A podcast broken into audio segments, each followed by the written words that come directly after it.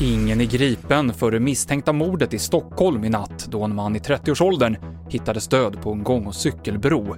Enligt uppgift till Aftonbladet så hade den döde kopplingar till gängkriminalitet. Vid lunchtid stoppades tågtrafiken intill när polisen gjorde en teknisk undersökning av spåret. I Finland har stormen Ayla dragit österut över landet under dagen och som mest var nästan 90 000 hushåll utan el. Det var bland annat omfattande strömavbrott i Österbotten och många träd har fallit över hus och vägar.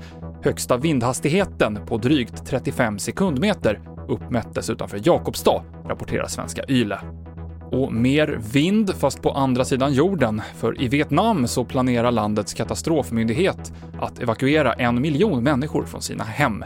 Anledningen är en tropisk storm som drar in imorgon med vindar på över 30 sekundmeter som kan orsaka översvämningar och jordskred. TV4-nyheterna med Mikael Klintevall.